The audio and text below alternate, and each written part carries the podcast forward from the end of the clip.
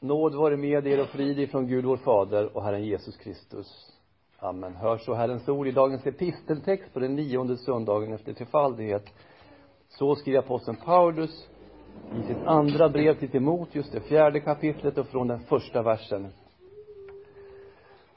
Jag uppmanar dig allvarligt vid Gud och Kristus Jesus som skall döma levande och döda och inför hans uppenbarelse och hans rike. Predika ordet. Träd fram i tid och i otid. Bestraffa, tillrättavisa och förmana med allt tålamod och all undervisning.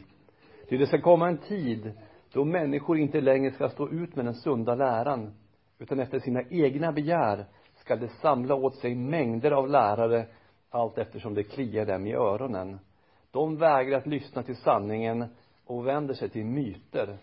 Men var du sund och förnuftig i allt, bär ditt lidande, utför en evangelists gärning och fullgör din tjänst. Amen. Herre, helg oss i sanningen. Ditt ord är sanning. Amen.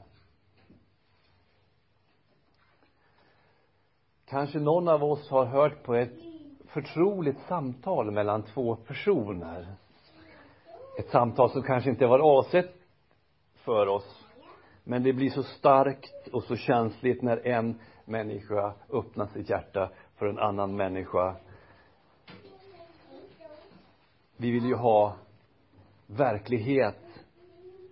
Vi vill ju ha äkthet. Och så blir vi berörda.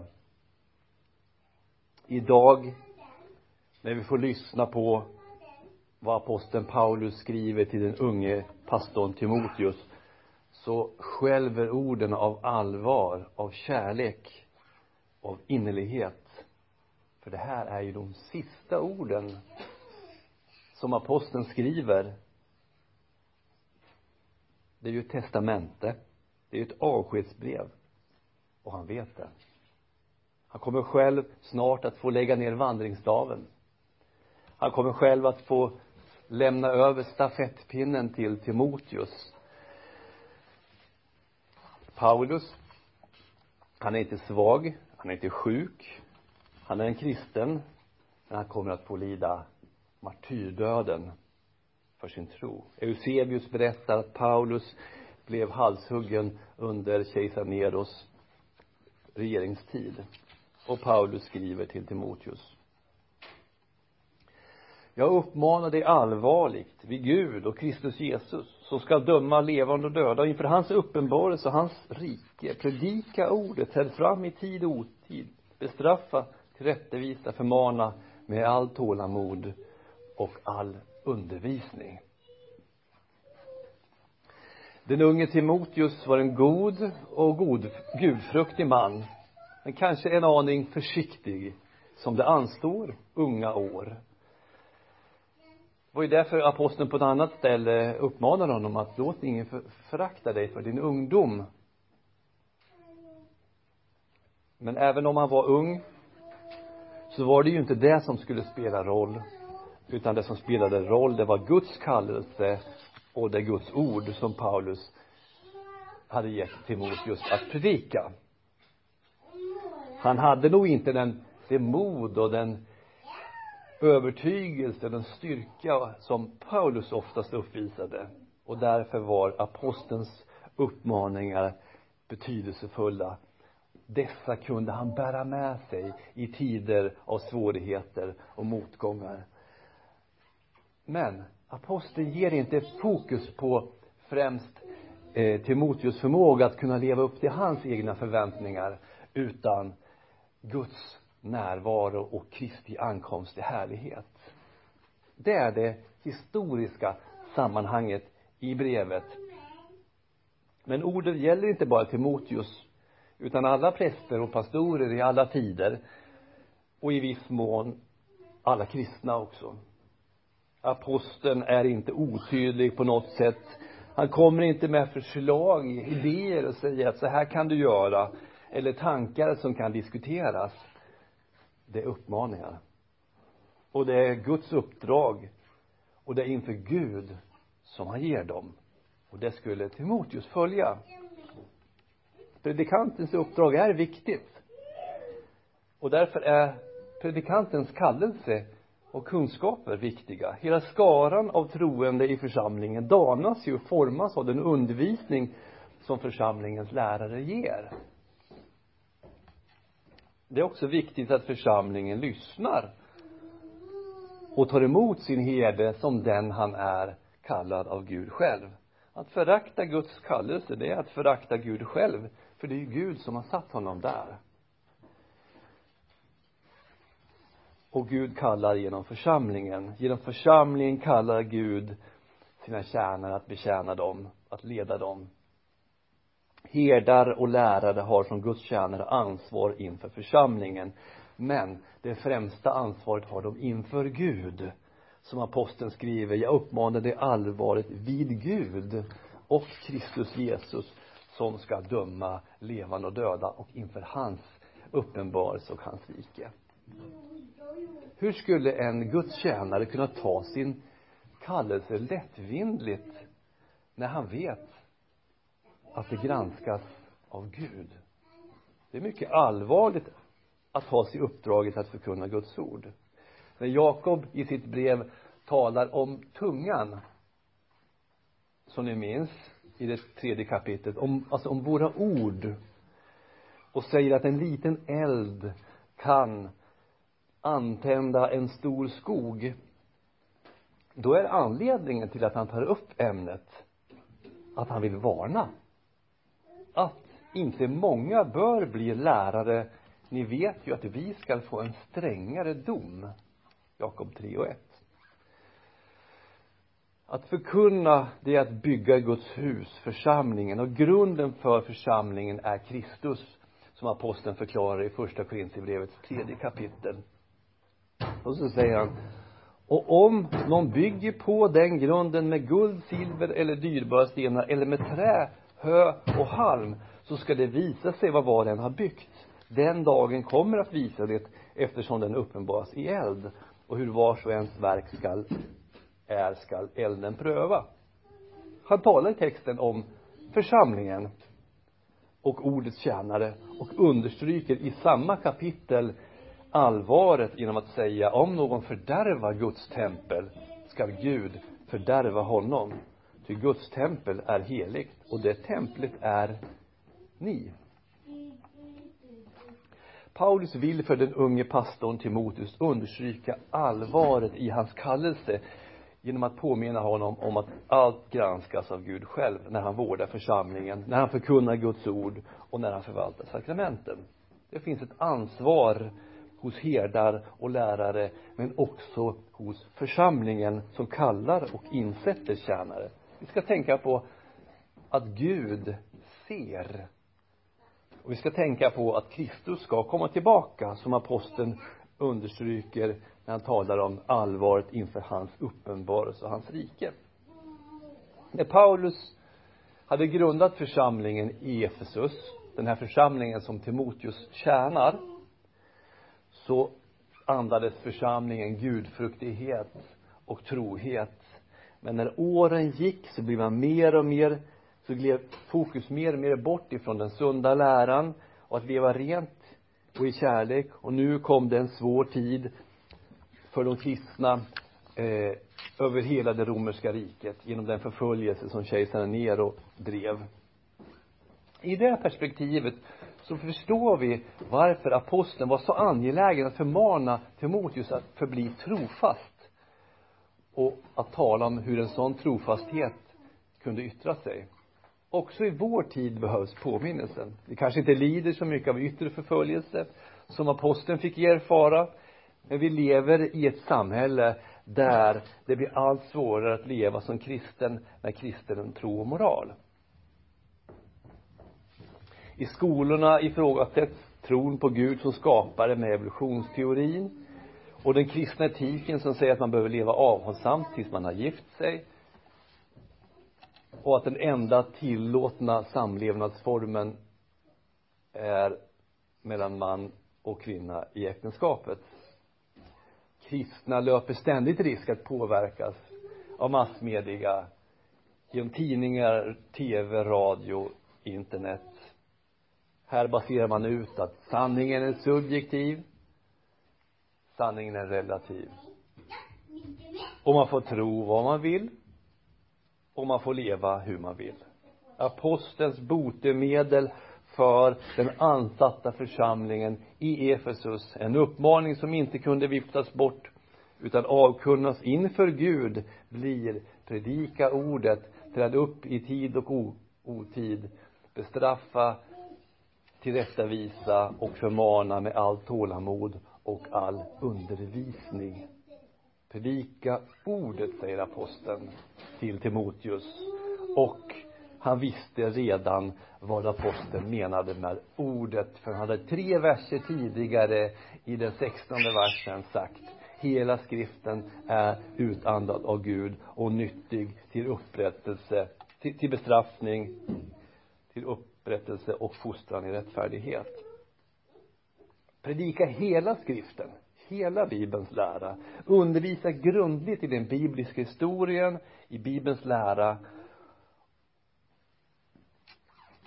Och när han hade gjort det då skulle församlingen få det som världen inte kan erbjuda när det gäller vad vi ska tro på och hur vi ska leva. Men det är inte bara ett allmänt berättande en undervisning utan det är också Guds ord som till, tillämpas som appliceras som används på uppfattningar och som används på de liv som eh, folk levde i församlingen. Och det gör predikanter genom att i tid och otid bestraffa, tillrättavisa och förmana.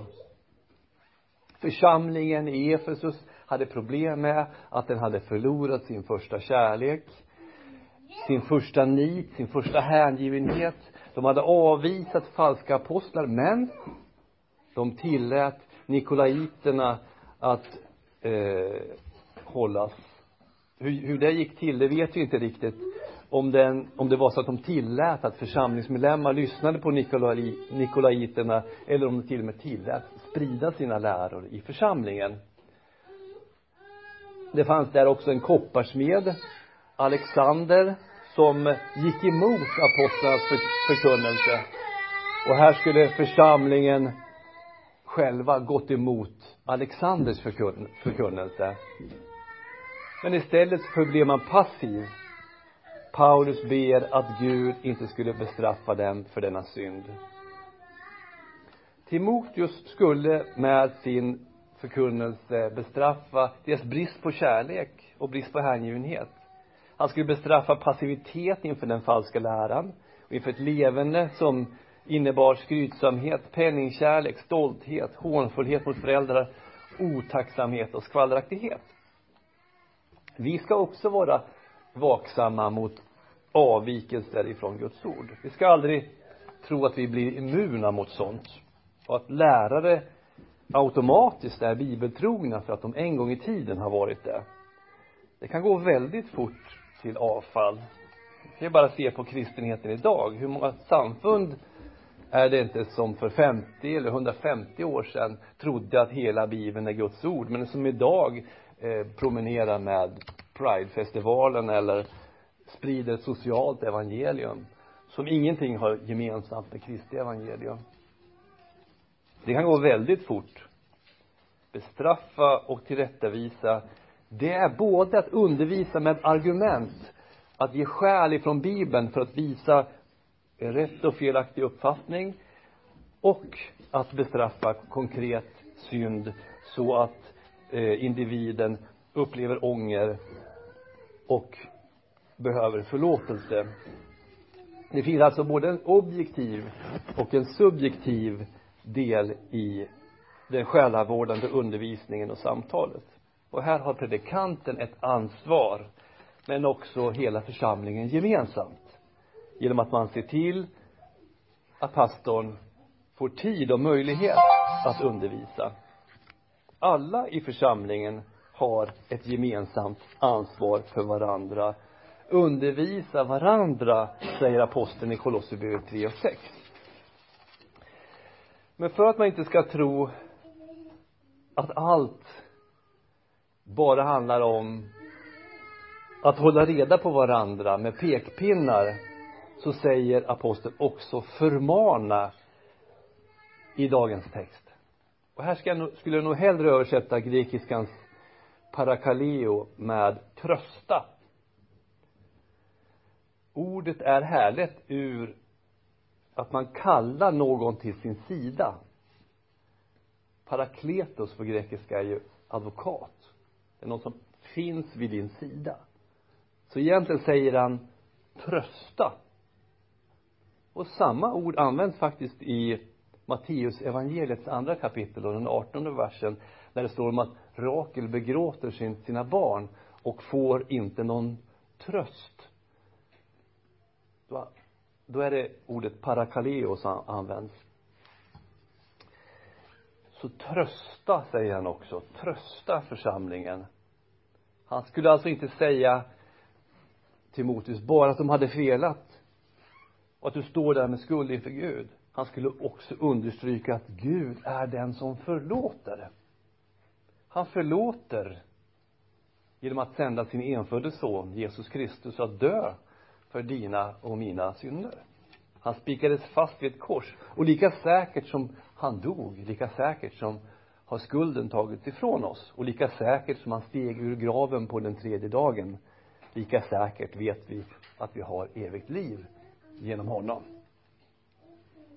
Människor skulle bli djupt bekymrade för sin själ genom Timoteus förkunnelse men de skulle inte lämnas i det tillståndet. Aposteln ber honom också att trösta den som ångrar sina synder och vill leva efter Guds vilja. Och trösten finns i evangeliet i det glada budskapet om Jesus Kristus Guds son vår frälsare. Det finns tider då människor tycker att det är olämpligt att tala om vad Gud anser om hur vi ska leva. Att tala om att Gud straffar synd på korset genom att låta sin son dö. Berätta istället om, om Gud som, som är som havet och stranden. Om en Gud som är, som är, som är som en kompis. Men Paulus skulle predika och Timoteus skulle predika i tid och otid. Alltså både när folk tycker att det är lämpligt och när folk tycker att det är direkt olämpligt. Han skulle predika med allt tålamod och all undervisning. Det är viktigt. Tålamod och undervisning. När man undervisar då kan man inte bara tänka att att man läser upp en instruktion. Så nu har jag sagt hur det förhåller sig nu har jag gjort min del. Nu vet ni hur det är. Han skulle predika med tålamod. På grekiska makrofemia. Alltså med lång och stor uthållighet. Om han nu sa som det var om han nu förkunnade Guds ord och undervisade så måste han inse att det kunde ta tid innan det gick in i huvud och hjärta på alla. Och om det inte gick in då fick han upprepa och förklara igen och igen. Tålamod. Vad är det för någonting? Ja det vet Frida. Det är att lyfta upp barnet som ramlar när det försöker gå. Inte bara en utan tio gånger. Och det är att inte bli irriterad för att man får kläderna nedspydda av ett barn som ska rapa. Eller när man får bära ett barn kanske flera timmar på natten som har ont i magen det är tålamod. Undervisa med tålamod säger Paulus till Timoteus. Och jag har ingen bättre bild av tålamod. Jag satt och tänkte på vad jag skulle använda för bild för tålamod. Jag tycker faktiskt att mamman med barnet eller pappan med barnet är en bra bild på tålamod. Jag tror många av oss känner igen det.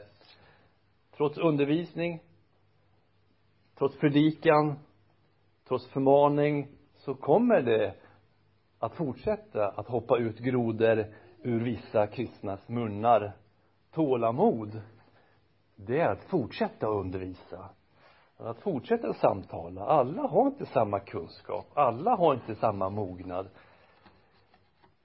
Alla har inte förstått lika snabbt. Och problem problemet det är inte fel som kan rättas till. Problem det är när det blir fel som man försvarar trots tålamodig undervisning. Trots att man har varit tålamodig så ändå så försvarar man. Då är det problem. Men om vi inte gör det om vi inte har tålamod och undervisar då kommer den tid som aposteln talar om då allt rasar samman. Det ska komma en tid då människor inte längre ska stå ut med den sunda läran utan efter sina egna begär skall de samla åt sig mängder av lärare allt eftersom det kliar dem i öronen. De vägrar att lyssna till sanningen och vänder sig till myter.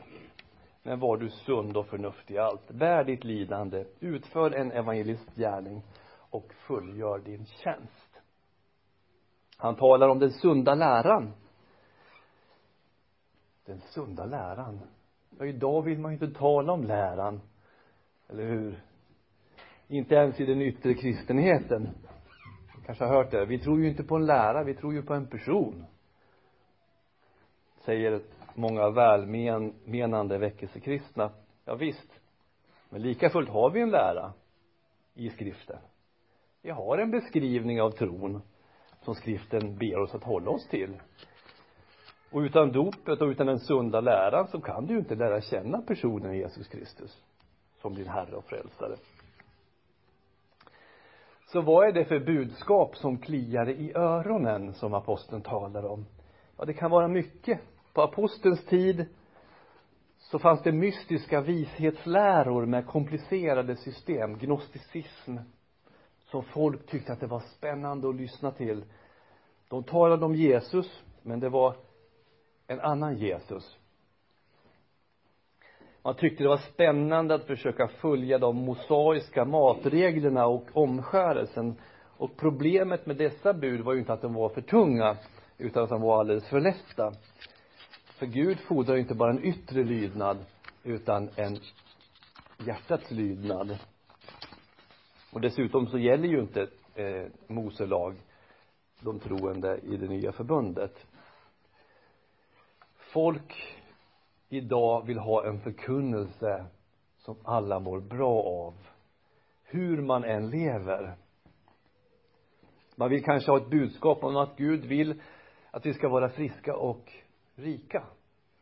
Eller att vår egentliga uppgift är att engagera oss mot världens orättvisor bibelns budskap kommer att såra människor. Ja det sårar ju också oss som är kristna eller hur? Också vi gråter kanske eller släpper någon tår när vi ser vad Gud säger till oss i kärleksbudet och de tio budorden och märker hur vi allt för sällan lever upp till hans förväntningar. Men det är nytt nyttig smärta. Och den får oss att växa till när vi lyfter våra blickar mot korset och ser att samme Gud som straffar synd samme Gud är han som förlåter och renar oss och som gör oss rättfärdiga och heliga inför honom. Därför predikar vi gärna ett obekvämt budskap. Ty detta budskap om korset är en dårskap. För de som blir förtappade. Men för de som blir frälsta är det en Guds kraft. Första Korintierbrevet 1, vers 18 Bibelns budskap är inte alltid tilltalande för världens människor men det är det enda budskap som frälsar utanför den bibliska församlingen så samlar man efter egna begär mängder av lärare allt eftersom det kliar dem i öronen. Och här ser vi de här två delarna. Vad som gör att man söker sig utanför och söker sig till falska lärare. Det är dels efter sina egna begär och dels det kliar i öronen eh, det vill säga det är sånt som det är en förkunnelse som tilltalar mina egna begär. Alltså vad jag själv vill ha. Och det är någonting som är spännande att lyssna till. Och så har vi fått en, en kristenhet som låter begären styra. Som låter begären styra vid val av församling och kyrka till och med musik och gudstjänstordning det ska vara modernt. Det ska vara tidsenligt. Det ska vara njutbart för sinnena. Borta är bibeln som mall att man, förku, att man eh, frågar efter vad som vadå, som förkunnas. Jag möter ofta kristna som saknar församling. Och vissa söker och vissa finner församling. Och man säger man säger ofta så här jag vill finna en församling som jag trivs med. Som jag trivs i. Jag vill finna en församling där jag känner gemenskap samhörighet. Där var det ingen bra musik. Där var det träiga stolar. Och kanske hitta en, en predikant med lite fart i. Och lite mysig samvaro. Det var till och med någon som visade en bild på en kyrkolokal med en vacker eh, matta i regnbågens alla färger. Här kan jag trivas så men för att församlingen inte ska förföras av sånt här yttre utan bara dirigeras av Guds ord där det förkunnas rent och klart och där sakramenten förvaltas enligt med kristinstiftelsen, då uppmanar Paulus sin unge elev prästen Timoteus att tålmodigt predika och undervisa. Och samma uppgift har han gett oss som föräldrar oss som syskon i församlingen och oss som, som är präster. Att när vi lär Guds ord, när vi samtalar med varandra kring Guds ord så leder vi varandra rätt och ger oss rätt fokus och så talar aposteln till sist om Timoteus gärning som en evangelists gärning. Och det här är ju viktigt. När han ska till sist tala om vad Timoteus uppdrag egentligen är så säger han att du är en evangelist. Det vill säga din uppgift är främst att eh, dela evangeliet. Din uppgift är främst att, att berätta om att Kristus Jesus är världens frälsare och att syndernas förlåtelse finns genom honom. För det är ju så att om evangeliet blir dyrbart för oss då vet jag att det finns ingen annan plats jag vill vara på än där evangeliet förkunnas rent och klart. Amen låt oss bedja.